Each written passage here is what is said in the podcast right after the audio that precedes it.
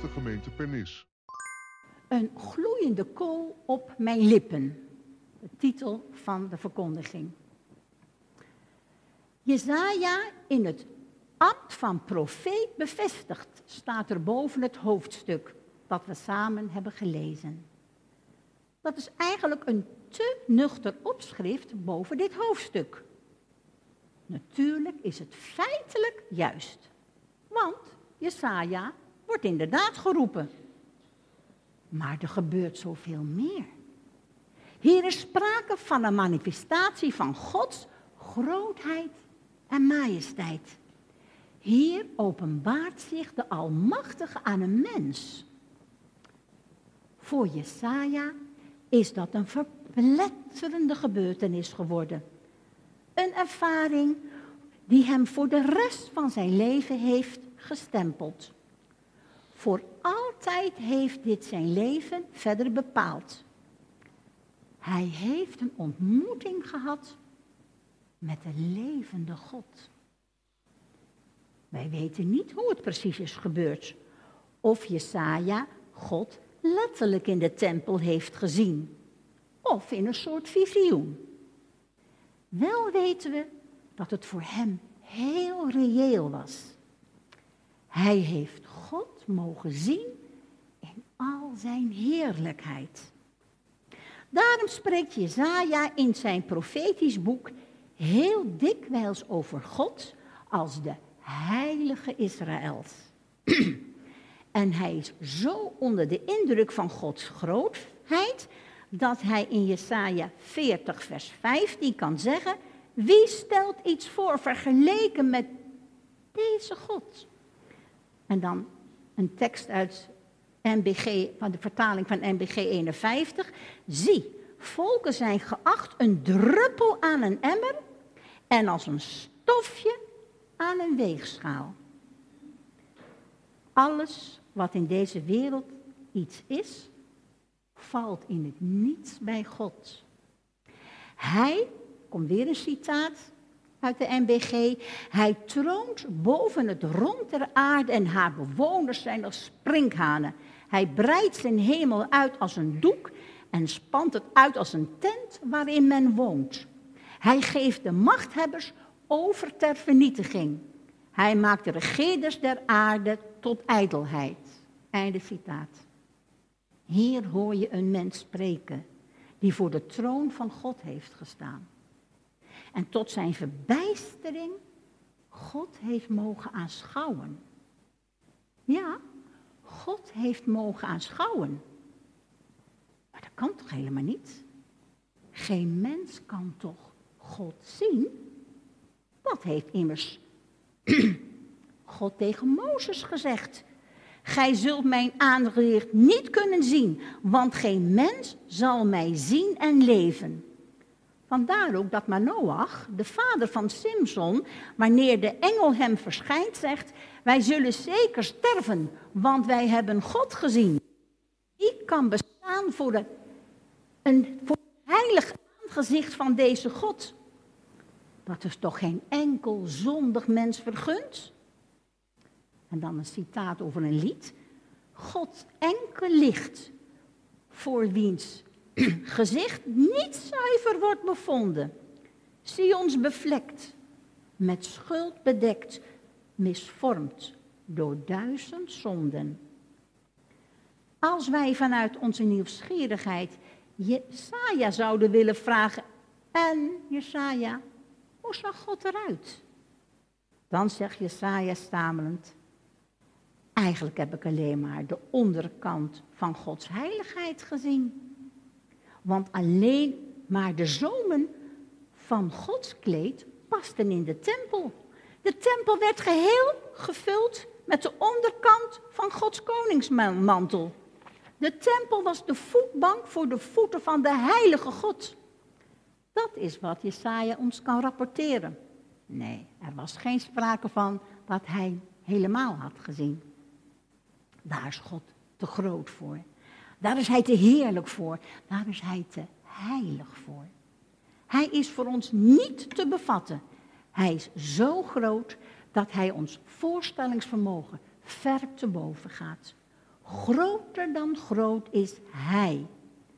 Jesaja heeft maar een klein stukje van Gods heerlijkheid mogen zien. Het zou hem anders inderdaad te veel en te machtig zijn geworden.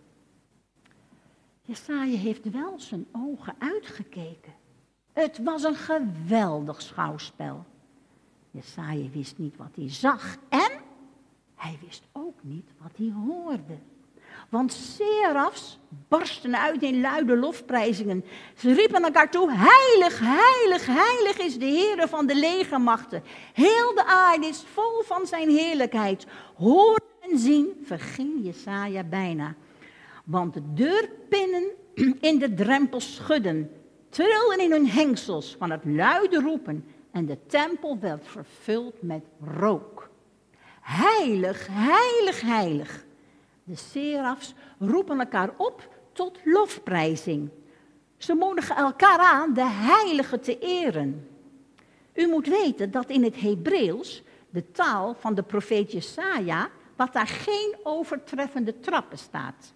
Als wij zeggen dat iets mooi is, dan kunnen we zeggen dat iets anders mooier is. Of dat dat het mooiste is. Maar in het Hebreeuws kan dat niet. Als je in het Hebreeuws iets wilt benadrukken, dan herhaal je het woord. Heilig, heilig, heilig roepen de serafs. Daarmee willen ze zeggen, niets is heiliger dan onze God. De verschijning van God in de tempel vervult Jesaja met groot ontzag. Hij is diep onder de indruk van Gods heiligheid en majesteit. Hij is overweldigd van wat hij hoort en wat hij ziet. Wie van ons zou ooit zoiets mogen meemaken? Als een tweede Manoach denkt Jesaja eerst nog dat hij dit niet zal overleven. Ik heb met eigen ogen de koning, de Heere van de hemelse machten gezien. God zien is immers onbestaanbaar. Dat is verschroeiend en verzengend. Als wij als mensen al dan niet eens tegen de zon kunnen inkijken, hoe zouden we God dan kunnen zien? Maar ook beseft Jesaja zijn eigen ontoereikendheid en onheiligheid. Hoe kan hij als zondig mens voor God blijven staan? Daarom roept hij het ook uit. Wee mij, ik moet zwijgen, want ik ben een mens met onreine lippen en ik leef te midden van een volk dat onreine lippen heeft. Dit is een uitroep van grote wanhoop. wanhoop. Wee mij. Dat wee in de Bijbel is het tegendeel van zalig. Het woord waarmee de Heer Jezus in Matthäus 5 de mensen zalig spreekt. Zalig de armen van geest. Zalig de zachtmoedigen, dat betekent gelukzalig ben jij. Hier staat het tegenovergestelde. Wee u betekent jij, ongelukkige. Dat is het complete tegendeel. Jesaja zegt, wee mij en bedoelt met andere woorden, ik ben ten dode opgeschreven. Jesaja heeft het heel goed begrepen. Als je als voor God komt te staan, heb je helemaal niets meer in te brengen. Dan doen al je mooie praatjes er niet meer toe. Dan zie je jezelf zoals je bent. voor die pure heiligheid van God zie je jezelf bevlekt, met schuld bedekt, misvormd door duizend zonden. Jesaja was misschien wel een heel vroom en godvrezend mens. In de ogen van heel veel mensen zou zijn leven alleszins acceptabel zijn geweest.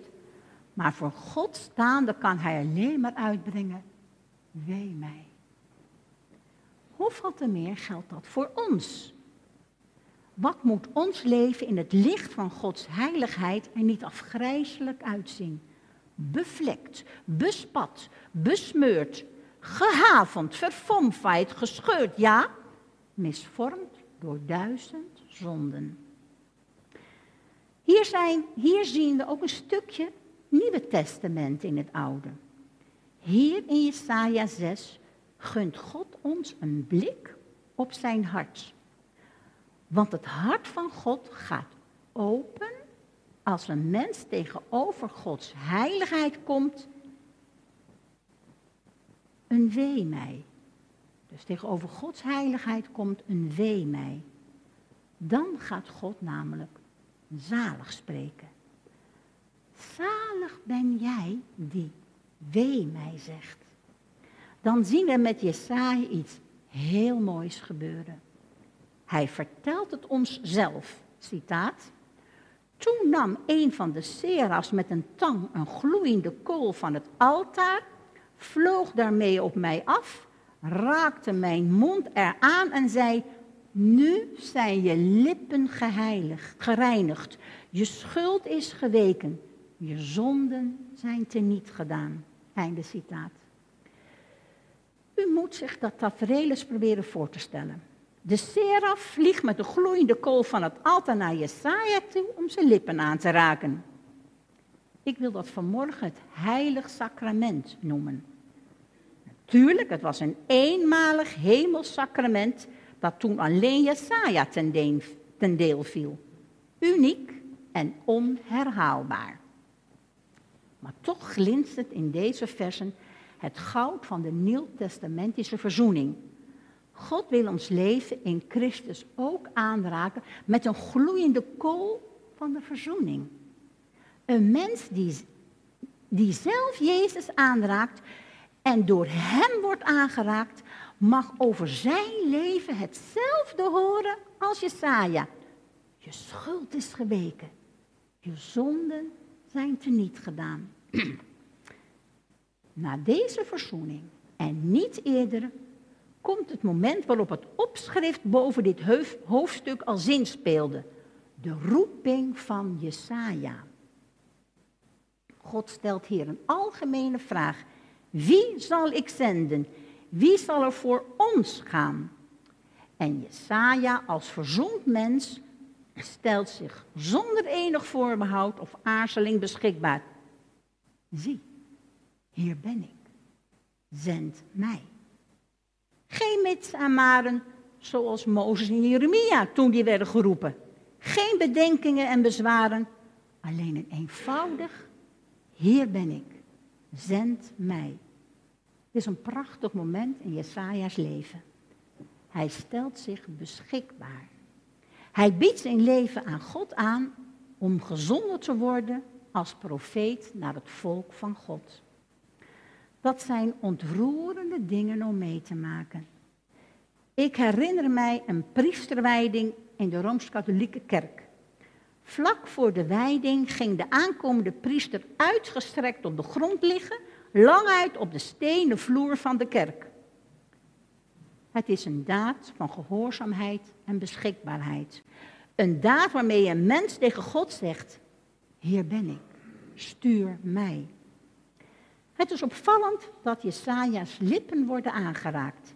Niet zijn handen of zijn borst bij de plaats van zijn hart. Nee, de gloeiende kool raakt zijn lippen aan. Dat laat iets zien van Gods bedoeling met deze man. God neemt Jesaja in dienst als profeet. zijn lippen moeten gezuiverd worden om het woord van de Heer te kunnen spreken. Met zijn lippen moet Jesaja straks opkomen voor de naam en eer van de God van Israël. Daarom raakt de seraf met de gloeiende kool zijn lippen aan. Maar de boodschap die Jesaja moet brengen is er een van oordeel. We hebben die passage met elkaar gelezen. Je weet niet wat je leest. Jesaja wordt op een onmogelijke missie gestuurd. Zeg tegen dit volk dat hier komt offeren, dat ze goed moeten luisteren, maar het toch niet zullen begrijpen. Jesaja moet met zijn boodschap het hart van het volk vet maken. Hun oren dichtstoppen, hun ogen sluiten. Je gelooft het gewoon niet. Moet Jesaja zo'n boodschap brengen? Wat een machteloze oproep en hoe bizar. Vreselijke woorden. Niet om aan te horen. Maar je moet dan wel het hele verhaal vertellen. Je moet de werkelijke geschiedenis van Israël kennen. De geschiedenis die laat zien dat Gods geduld vaak tot het uiterste werd beproefd. Dat hij verschrikkelijk werd getergd. Het is een en al ongehoorzaamheid en afgodendienst aan vreemde goden. God zond voortdurend profeten om het volk te waarschuwen. Maar het resultaat was dat het volk zich niet bekeerde. Het gaat hier om niets anders dan een boodschap van verstokking. Het volk had zich verhard in de zonde en hield zich doof voor Gods waarschuwingen. Hier lezen we dat God de verstoktheid van het volk beantwoordt met nog meer verstoktheid. Maar nu van zijn kant. Alsof hij Israël wil zeggen, dan moet je het ook maar zelf weten. Jesaja opponeert hier niet. Hij protesteert niet tegen Gods opdracht. Hij zegt niet, waarom doet u dit? Nee, hij vraagt, hoe lang? Alsof hij wel wist. Alsof hij het wel wist en niets anders verwachtte. Hoe lang? Zoiets kom je ook in de psalmen tegen. Hoe lang verbergt gij uw aangezicht voor mij? De gedachte komt bij je op, dit is geen laatste waarschuwing, maar een in gang zetten van het oordeel. Het zal je gebeuren, de ballingschap zal komen en het wordt niet zomaar weer uitgesteld. Met dit woordje, hoe lang, herinnert Jesaja de Heere God aan zijn belofte aan Abraham. Jesaja doet het met die simpele vraag, een beroep op Gods trouw. Hoe lang? Jesaja klemt zich vast aan het vertrouwen op God. Hij gelooft tegen de klippen op dat God zich eenmaal toch weer zich aan zijn eigen voornemen herinnert om aan zijn woord vast te houden. Dit was zo'n kantelend ogenblik in de geschiedenis van Israël. God trekt zijn handen af van zijn volk. De ballingschap, onafwendbaar, onontkoombaar. Het oordeel wordt voltrokken. Moeten wij nu ook een toepassing maken op onze tijd en op onze situatie in de gemeente als gemeente van Christus? Natuurlijk moeten wij de historische context recht doen en die betrekken op de tijd van Jesaja. Want er is niet alleen een ballingschap van 70 jaar, er is ook een Persisch koning geweest, Kores, die een instrument van Gods genade was, die het volk terug liet keren naar het land van de vaderen. Maar in de tijd van de Heer Jezus heeft de heiland zelf ook deze zware woorden als kwalificatie gebruikt. Het hart is vet geworden, de oren zijn dichtgestopt en de ogen toegesloten. Weer diezelfde woorden en exacte, een, exact een identieke veroordeling. Opnieuw een disqualificatie. Israël wilde niet luisteren. Het volk wilde zich niet bekeren waar God zo op had gehoopt en waar hij zo naar uitzag. De weinigen die wel hun oor te luisteren legden en wel acht gaven op de woorden van Jezus en wel zijn onderwijs indronken, noemde hij zalig.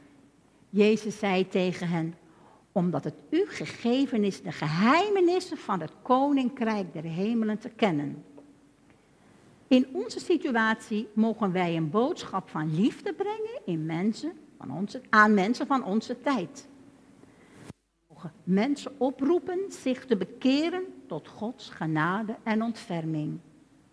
Wij hebben geen verstokkingsboodschap te brengen, maar een verlokkingsboodschap. God lokt mensen tot zich om hen rijk en gelukkig te maken, om hen zalig te noemen, om hen vergeving te schenken om hen op het spoor van het nieuwe leven in zijn koninkrijk te zetten. Maar er is wel een keerzijde die we niet mogen nalaten te noemen. De boodschap in onze dagen mag gelukkig nog een genadeboodschap zijn.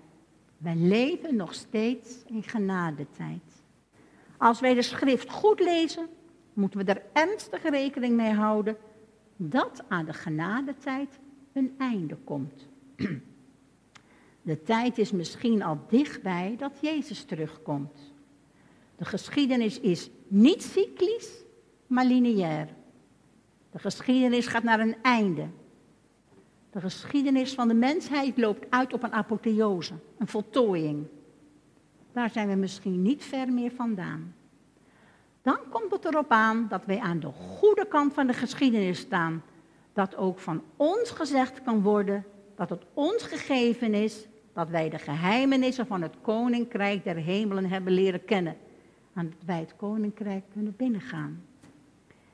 Een van de diepste geheimenissen is dat Jezus, de Zoon van God, degene is geweest die bij uitstek de roeping heeft verstaan om gezonden te worden. Hij hoorde de stem van de Vader die vroeg, wie zal ik zenden? Wie zal er voor ons gaan? Hij, de zoon van de Vader, heeft immers gezegd, zie, hier ben ik. Zend mij. Amen.